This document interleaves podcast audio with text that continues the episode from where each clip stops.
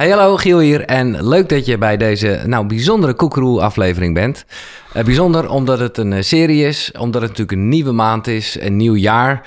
Uh, tenminste, als je dit in mei ziet, wens ik je nog steeds het allerbeste natuurlijk. Maar het is toch wel echt het begin van een nieuw jaar.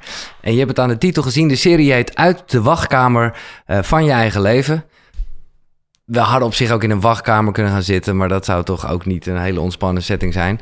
Dus uh, we zitten mooi op een landgoed daar in Kruidberg. En ik zeg we, want dokter Juriaan zit tegenover mij.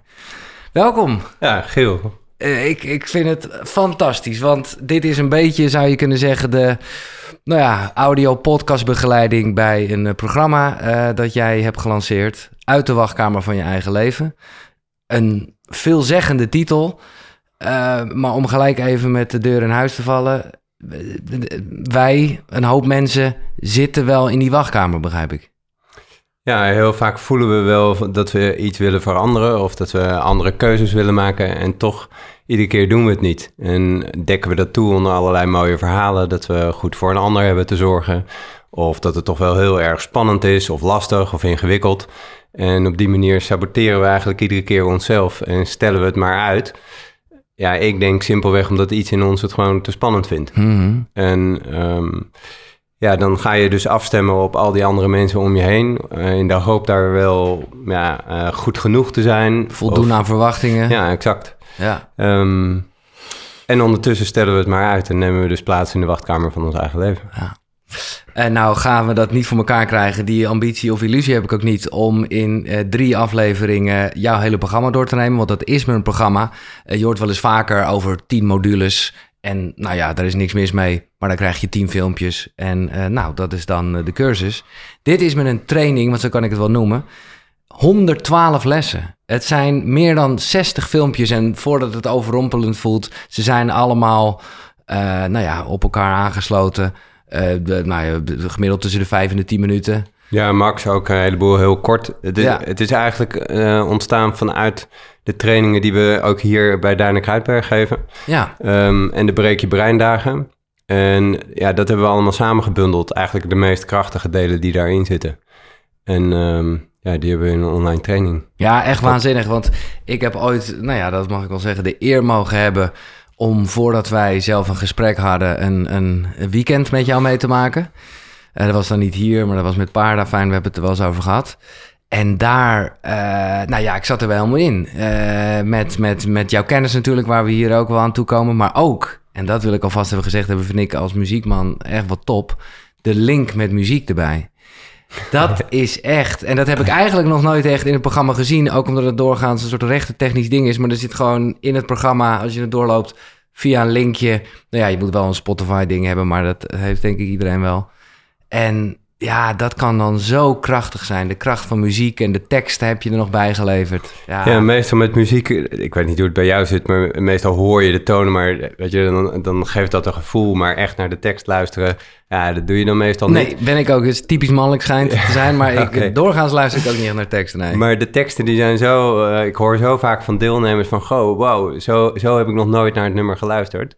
En het sluit dus steeds aan op, de, ja, op het onderwerp wat we behandelen. Ja. En ja, mijn persoonlijke ervaring is ook dat het gewoon zo'n onwijze verdieping geeft aan het proces. Ja, het raakt dingen die je misschien met normaal tekst en woorden niet uh, raakt, maar door de combinatie. Ja. Ja, we, we, le we, leren toch vooral door het opdoen van ervaringen. Dus ja. alleen maar iets lezen, ja, uh, dat is natuurlijk ook super waardevol. Ja. Maar als je het koppelt aan een ervaring en een emotie, ja. dan wordt het gewoon als het ware gestempeld. Ja. Ja, en dan beklijft het gewoon honderd keer beter. Als je dit in januari ziet of hoort, uh, dan heb je helemaal iets moois. Uh, even los van een waanzinnige aanbieding, afijn, daar zal ik op terugkomen. Er staat in de link in de beschrijving. Kan je dan ook nog live zijn bij uh, wat jij de communicatieweek noemt? dat is van 22 tot 28 januari.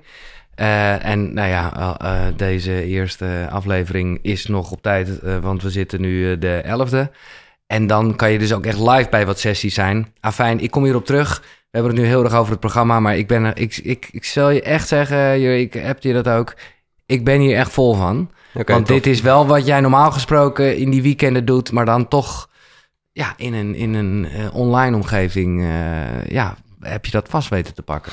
Ja, we gaan kijken of het, uh, hoe krachtig het is. Maar ja, ik denk dat als mensen dat gaan volgen ja. en het langzaamaan in hun leven brengen, dat ze daarmee een groot cadeau aan zichzelf geven. Je noemde net al eventjes aan verwachtingen voldoen. Uh, en, en misschien voordat we naar de angsten gaan, we gaan elke aflevering een angst specifiek benaderen. Eerst eventjes over dat lijden, want zo kan ik het dan toch wel noemen. Uh, waar, hè, waarom je die stap niet zet. Wat, wat, ja, wat, wat zijn, los van verwachtingen, of, of is dat het, wat zijn de oorzaken daarvan? Ja, er zijn eigenlijk, uh, de basis is vier oorzaken van ziekte. Eigenlijk vijf inmiddels. Um, ik groei natuurlijk ook en dan komt er op een gegeven moment heb je vier en dan denk je van hé, hey, oh, maar dit is er nog één, dus er is er nog eentje. En die lijst is nooit compleet, maar ik denk dat de belangrijkste oorzaken van ziekte is eigenlijk dat mogelijke oorzaken van ziekte is dat we ons toch afstemmen op de behoeftes uh, van anderen. En dat we de behoeften van een ander belangrijker maken dan onze eigen behoeftes. En een andere oorzaak van, mogelijke oorzaak van ziekte is dat we iedere keer ons toch op een bepaalde manier verantwoordelijk voelen voor de gevoelens en emoties van iemand anders. Dus iemand die zegt tegen jou dat je uh, dat hij zich wel heel erg verdrietig voelt door hetgeen wat je gezegd hebt of gedaan hebt. En uh, vervolgens ga jij je daar verantwoordelijk voor voelen en ga je je aanpassen en gedragen. Terwijl het jouw intentie helemaal niet was om de ander daar een verdrietig gevoel te geven. Dus laat dat bij die ander. Ja, wat overigens niet wil zeggen dat je daarin je eigen onbeholpen gedrag niet nee, tegen het licht mag houden. Um, en mag kijken van, goh, waar heb ik een verkeerde afslag genomen? En de derde mogelijke oorzaak van ziekte is dat we ons identificeren met onze maatschappelijke rollen, onze verantwoordelijkheden en verplichtingen. Bijvoorbeeld in de rol als vader, als moeder, als vriend, vriendin of als partner. Uh, waarin we onszelf iedere keer weer wijsmaken, ook vanuit de maatschappij ingegeven hoe jij je moet gedragen om een goede vader, moeder, vriend, vriendin, zoon of dochter te kunnen zijn. En dat leidt er dan toe dat we dus keuzes maken die eigenlijk niet bij ons passen. Dat geeft stress en spanning. En ja, daar word je, op den duur word je daar ziek van. En de vierde mogelijke oorzaak van ziekte is dat we iedere keer onze ja, lastige gevoelens als verdriet of ongemak, twijfel, onzekerheid, maar vooral ook boosheid onderdrukken. Uit, ja, uit de angst om de verbinding met de ander te verliezen. Ja. En het resultaat daarvan is dat we heel vaak de verbinding met onszelf verliezen. En de vijfde dan is eigenlijk, die dateert nog niet zo van heel lang, dat ik dacht van oké, maar dit, dit is echt ziekmakend.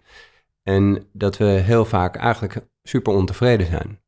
En dat we iedere keer het idee hebben dat er iets mist en iets ontbreekt in ons leven.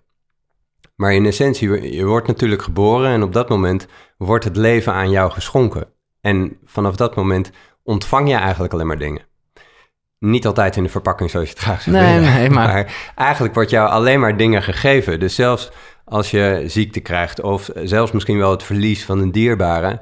dan kan je natuurlijk zeggen van ja, ik ben een dierbare verloren... Maar je kan ook zeggen van, hé, hey, mij wordt dit verlies gegeven. Ja, um, jij hebt hem ook dat gesproken. Ik heb hem ook voor de podcast gehad. Dat, dat haal je ook aan uh, in de cursus. Nou, een heel krachtig voorbeeld van iemand die dat verlies ja, en hij heeft natuurlijk recht van spreken. Ik bedoel, als ik dat vertel, dan is het een soort van uh, mooi sprookje en verhaaltje en leuk lullen. Maar ja, Mo, voor degenen die het niet weten, uh, zijn zoon verloren op 21-jarige leeftijd aan gewoon een simpele blinde darmoperatie. En uh, ja, na twee weken van diepe rouw dacht hij van ja, maar weet je, dit helpt mij niet. Dus hoe ga ik zingeving geven aan het verlies van mijn zoon? Ja superkrachtig natuurlijk. Het is veel begrijpelijker en veel logischer als hij de rest van zijn leven verbitterd door het leven zou gaan. Dat zou veel begrijpelijker zijn. Maar we hebben daar dus een keuze. En die keuze die maken we diep binnenin ons. Om, kiezen we voor ontevredenheid of kiezen we voor dankbaarheid? En deze maatschappij doet natuurlijk een enorm beroep, een enorm appel op dat gevoel van ontevredenheid. Ja, ja, je moet altijd maar iets doen. Ja. En je moet, uh, je moet iets kopen om gelukkiger te zijn. Je moet iets doen en in actie komen om te voldoen in de ogen van een ander of in de ogen van de maatschappij.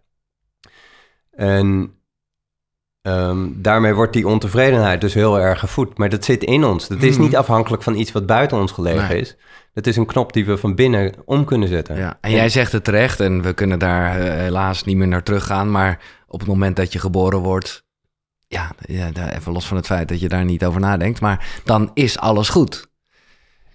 Ja, maar eh, goed, dat is natuurlijk goed in vergelijking tot wat. Dat is natuurlijk ook maar onze eigen denkkader. Dus, dus um, dingen kunnen gewoon super onrechtvaardig zijn. Ja. ja als, je, als je geboren wordt in... Hier hebben we natuurlijk onwijs luxe. Mhm. Maar als je geboren wordt op een ander deel van de wereld... waar misschien eh, heel veel kinderarbeid is of eh, Ja. het Oorlog, maar. dood en verderf, ja. Ehm, ja, dan is het natuurlijk lastig om dan te zeggen van... ja, maar alles is al goed. ja. Ehm, maar je kan er wel voor kiezen van... goh, stel nou dat dit er is voor mij. Ehm, wat brengt het mij dan? Hoe kan ik hierin leren, groeien en ontwikkelen? Mhm. En dat is steeds weer een keuze die we zelf kunnen maken. Ja, maar dit vind ik heel mooi en dat brengt ons eigenlijk gelijk automatisch op de eerste angst die we vandaag bespreken van de drie angsten. Is, eh, kijk, tevredenheid, tuurlijk voelt dat fijn.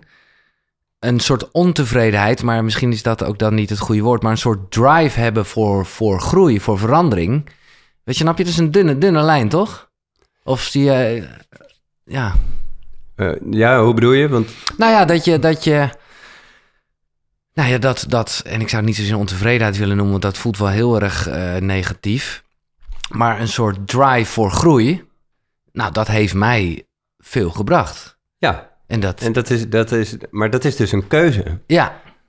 Ja. Als er, als er weerstand op je pad komt, dan is het veel begrijpelijker om daar eh, de mensen om je heen, of misschien wel eh, je werkgever of je werknemer, of je partner of de maatschappij, of misschien wel het leven verantwoordelijk te houden voor de shit waar je in zit.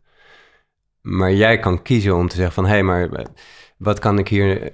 Stel nou dat dit me is gegeven, super onredelijk, maar stel nou, wat zou het me dan kunnen vertellen? Wat komt Ja. het me eigenlijk brengen? Ja. En wat kan ik hieruit leren, zodat ik kan groeien en ontwikkelen?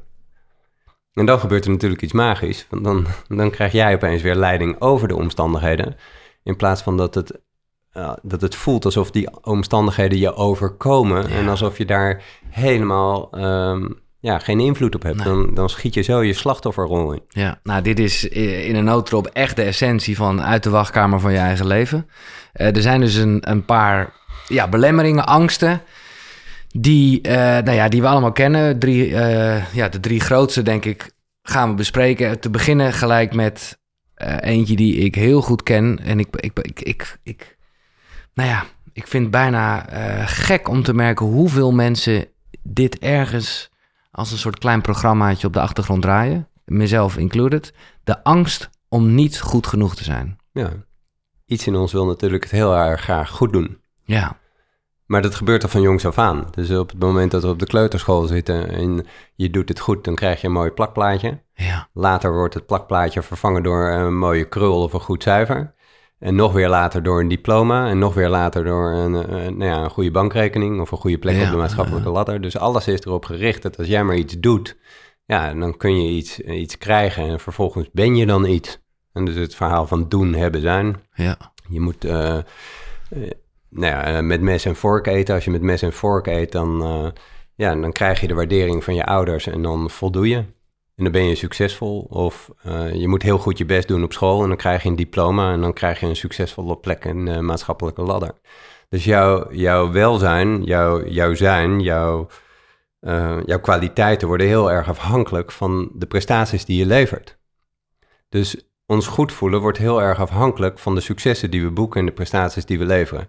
Super logisch ja. weer. En nee, het is echt de wereld waarin we leven. Maar het is best wel... Ja, het is logisch, maar ook wel crazy, hoor. Ja, en een risicovolle plek dus om te zijn. Ja, Want daarmee maak je jouw welbevinden afhankelijk altijd van externe factoren of de meningen en de oordelen van een ander. Wat natuurlijk niet erg is, want het, er is niks mis met eh, een gave auto, een gave baan, eh, een tof huis, eh et cetera. Daar groeien we allemaal van. Als we een toffe prestatie leveren en we worden daardoor gewaardeerd, ja, dat vinden we denk ik allemaal fijn. De vraag is alleen wie heeft leiding over wie. ja, Dus heb jij nog leiding over dit deel, wat heel erg graag goed wil doen? Of heeft dit deel, wat heel erg graag goed wil doen, stiekem leiding gekregen over jou? Ja, en dan voor je het weet ga je dus keuzes maken uit angst om iets te verliezen. In plaats van dat je nog keuzes maakt vanuit een verlangen. Namelijk dat je eh, een stap neemt vanuit het idee, hey, ik wil opnieuw leren, groeien en ontwikkelen. En ehm, ja, dat is een pad van vallen en opstaan. Dus Ja. het, het mag ook mislukken. exact. En ik moet gelijk denken aan gewoon... Ik zat weer helemaal terug in de schoolbanken dankzij jou... omdat ik ook dacht, oh ja, het moet goed zijn. En dat vond ik altijd, hoe slecht ik er ook in was... in de wat meer creatievere vakken... daar werd toch vaak wel op zijn minst nog een beetje ruimte gegeven... voor wat jij net zegt, het mag mislukken. En dan, ja, dat maakte voor die vakken gewoon wat minder uit. Maar dat kunnen we wel doortrekken naar het hele leven... dat je, dat je ja, dat het mag mislukken, ja. Ja, ik denk, ik zie uh, Mendel, de zoon van Simone, die, die woont het grootste deel van de tijd bij ons, maar die, die is nu 14 en die zit op de HAVO en die, dan zie ik hem worstelen met bijvoorbeeld uh, vakken als WIS of natuurkunde en dan denk ik van, Weet je, het gaat helemaal niet om het cijfer. Het gaat veel meer om het jezelf ontwikkelen van uh, ja, de manier hoe je op een andere manier naar dingen kan kijken. En misschien kan je daarin juist wel doorzettingsvermogen ontwikkelen. Of hoe ga je om met frustratie? Of hoe ga je om met mislukken? Ik denk dat de wijze waarop we daarmee omgaan, dat het veel waardevoller is dan het per se halen van een goed cijfer. Ja. Nee, maar dit, dit komt een beetje terug op waar we het net over hadden met eh, toen je ontevredenheid benoemde, dat dat echt een soort ziekte is. Uh, dan, dan is het inderdaad nooit goed genoeg. En dan gaat het heel erg om prestatie en ik ben de beste. Terwijl als het gewoon veel meer gaat vanuit een soort verlangen om te groeien. Uh, hè, wat, wat nogmaals dicht bij elkaar ligt. Maar dan zit er wat veel meer relaxedheid in. Ja, en dan mag het dus nog steeds, als we kijken naar bijvoorbeeld ontevredenheid en dankbaarheid. Het is niet zo dat als je vanuit dankbaarheid komt, dat, dat alles maar um, oké hoeft te zijn en dat er geen verlangens en dromen meer hoeven te zijn. Er mag nog steeds het verlangen zijn om een goed cijfer te halen. Er mag nog steeds het verlangen zijn om een tof project te maken. Er mag nog steeds het verlangen zijn om misschien een grote reis te maken of een andere relatie, of noem het. Mhm. Ehm, maar de plek waarvanuit we dat verlangen hebben, dat kan wel heel erg verschillen. Ga je dat verlangen hebben in de hoop dat dat een leegte bij jou gaat vullen? Of ga je dat verlangen hebben gewoon omdat je benieuwd bent naar de nieuwe ervaring? Ja. En, daar, en die keuze, die, wordt, die is dus niet afhankelijk van iets wat buiten ons is gelegen, maar die keuze die is afhankelijk van wat we binnen in onszelf doen. Ga ik hier, um, ga ik hier voor deze uitdaging omdat ik per se wil dat het gaat lukken, of ga ik voor deze uitdaging omdat ik nou, eigenlijk dankbaar ben voor het feit dat ik deze ervaring op mag doen. Ik ben gewoon benieuwd wat daaruit ja, voortkomt. Precies, die nieuwsgierigheid, gewoon die, dan kan het niet mislukken. Ja, dus ik denk dat nieuwsgierigheid echt een van de grootste waardevolle eigenschappen is die je in jezelf kan ontwikkelen. Om um, ja, jezelf eigenlijk ook te bevrijden van die enorme last dat het per se moet lukken. Ja, ja, ja, ja. En het begint dus eigenlijk bij jezelf toe te staan dat het, dat het ook mis mag gaan. Ja. Dat je jezelf toestaat om het spannend te, ja, te mogen vinden. Ja. Nou, en ook dat, dat komt heel erg in, in, in de online cursus naar voren. En daar hebben we het wel eens eerder over gehad. En daar heb ik gewoon zelf ook wel iets in uh, te groeien. Hè, tuurlijk dankbaarheid en liefde. En het zijn allemaal thema's die veelvuldig en terecht... ik bedoel, het is niet dat ik er afstand van neem... terugkomen in, in gesprekken. Maar zoals jij ook weer even de kracht van, ja, van boosheid uh, beschrijft. Hè? In, het, in, het, in het grenzen afbakenen en dus ook echt luisteren naar jezelf. Ja, boosheid is. De, daar hebben we natuurlijk iets mee. Maar dan in de zin van dat we van jongs af aan. Ik weet niet hoe het bij jou was. Maar als, uh, als je boos was, dan was het toch vooral van: joh, ga heel even zitten. Ga even afkoelen. Hier heb je wat lekkers. En uh, zo meteen, als je weer, weer wat rustiger voelt, dan uh, kom er dan maar weer bij. Um, en dat gaat op scholen zo. Dat gaat en misschien ook wel bij onze eigen kinderen. Dat we geneigd zijn om dat op die manier te doen. Maar ja, wanneer word je boos? Je wordt vooral boos op die momenten dat het, ja, dat het niet helemaal gaat zoals jij graag zou willen. Dus boosheid brengt je eigenlijk direct in contact met een diep verlangen. En in mijn optiek is het dan veel waardevoller als iemand verschrikkelijk boos is om te zeggen van, goh, ik zie dat je boos bent en uh, vertel eens, ik ben benieuwd. Wat wil je eigenlijk? Niet gezegd dat je het ook gaat krijgen, maar ik ben wel benieuwd wat je wilt. En maar ja, we zijn natuurlijk toch een beetje bang voor boosheid, omdat het een hele grote energie is. Ja. En als we die maar al te lang zeg maar, zo weg hebben gestopt, dan komt het er op een gegeven moment uit op de momenten dat het natuurlijk super onredelijk is. Want dan gaat het opeens over de vaatwasser en over de bekende dopjes van de tandpasta. um, En dan ook nog eens een keertje op super onredelijke manier. Dus dan worden we weer bevestigd in onze ideeën over boosheid en dat, het, iets zou zijn wat verkeerd zou zijn. Um, maar boosheid is er in essentie voor jou. En de manier waarop we dat dus tot expressie brengen, die kan wel heel erg verschillen. Dus eh, of we maken dingen kapot in woord of gebaar, uh, dan wordt het destructief. We kunnen het ook oppotten en net doen alsof het er niet is, dus een grote deksel erop. Nou, dan slaat de boosheid naar binnen toe en daar word je ziek van. Of je leert het benoemen. Ja. Dus zodra je het voelt, en daarom dat lijf, dat is, uh, ik was daar natuurlijk al nieuwsgierig naar vanuit de sport en de geneeskunde. Maar ik ben het nog meer gaan waarderen, omdat het natuurlijk een geniaal instrument is. Omdat ja. je, zodra je daarop afgestemd bent, dan voel je al bij het minste geringste, voel je wanneer iets niet oké is. Nee. Je voelt het. Ja, maar hier gaat het een beetje om, misschien tot besluit van deze aflevering, als het gaat over de angst om niet goed genoeg te zijn. Wat is, ehm, ja, wat is iets dat je een beetje bij jezelf kan testen? Bijvoorbeeld dat gevoel van boosheid of gewoon sowieso gevoel? Of wat, wat? Nou, in essentie is het eigenlijk altijd heel simpel. Ja, de waarheid is simpel. En dat betekent dat het... eh, Dus de volgorde is altijd hetzelfde. Dat we opmerken, of waarnemen... en dan voelen wat het met je doet. En dan vanuit het voelen krijg je de mogelijkheid om het eventueel te onderzoeken. En dan is de volgende stap om eerst niks te doen. Nee, wat best wel lastig is, hè? Want Zeker. je wordt wel overrompeld door iets, door Ja. of boosheid of angst of whatever. En dat, maar dat is trainen, dat is Ja. te oefenen. Want in de, in de rust en de ruimte die dan ontstaat... dan krijg je de mogelijkheid om jezelf een aantal vragen te stellen. Van, goh, waar is het eigenlijk wat ik denk? En stel nou dat dit er is voor mij, wat komt het me dan eigenlijk brengen? Wat zou het me komen vertellen? En ehm, ja, wat zou nou echt een kloppende stap zijn? Wat zou nou echt bijdragen aan de relatie tussen mij en mezelf? Dus als ik nou echt vriendelijk voor mezelf zou zijn, wat zou ik dan eigenlijk doen? Of misschien nog waardevoller, wat zou ik eigenlijk laten? Waar zou ik mee stoppen?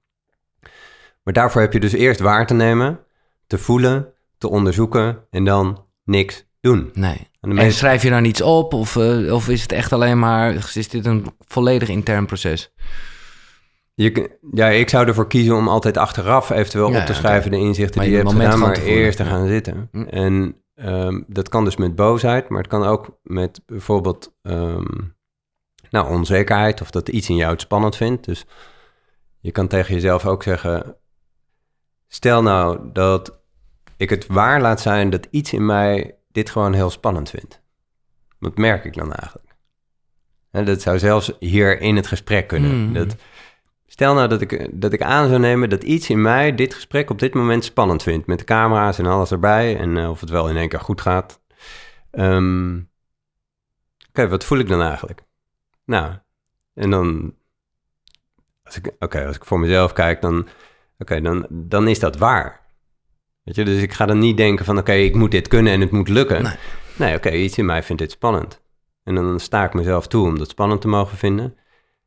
En het, de magie is dus, dan, dat, dan, dan wordt het relaxter. Dan mag dat gewoon een plek krijgen. Ja, Want het is niet alleen maar een deel wat het spannend vindt. Want er is ook een deel wat hiervan geniet. ja, En wat dankbaar is. En wat het gaaf vindt. En wat nieuwsgierig is. En die delen zijn er ook allemaal. Dus Ja. op het moment dat je dat soort delen niet meteen van de tafel afschuift. Want het levert alleen maar meer heel veel stress op. Dan doe je eigenlijk hetzelfde als wat je ouders vroeger bij je deden. Namelijk dat ze ja, je niet zagen. En dat Nee. doe je dan met jezelf dus eigenlijk ook. Want dat deel wat het spannend vindt of ongemakkelijk. Ja, dat is er gewoon. ja. Ja, de bekende bal onder water houden heeft geen enkele zin. Nee, dat kost, nou ja, ja, ook daar zit weer iets goeds in. Maar dat levert onwijs, dat kost ja, onwijs veel energie. Ja, ja, ja. Dus ja, voor, de, voor de mensen die kijken of luisteren, waardevol om eventueel voor jezelf op te schrijven. Dus opmerken, waarnemen, voelen wat het met je doet, eventueel onderzoeken en dan echt ervoor kiezen om daarmee te zijn, aanwezig zijn, niks doen. De meeste problemen in je leven ontstaan niet doordat je niks doet. De meeste problemen in je leven ontstaan doordat je ervoor kiest om te snel in actie te komen. Oké, dus opmerken, waarnemen, voelen, onderzoeken en dan aanwezig zijn en niets doen.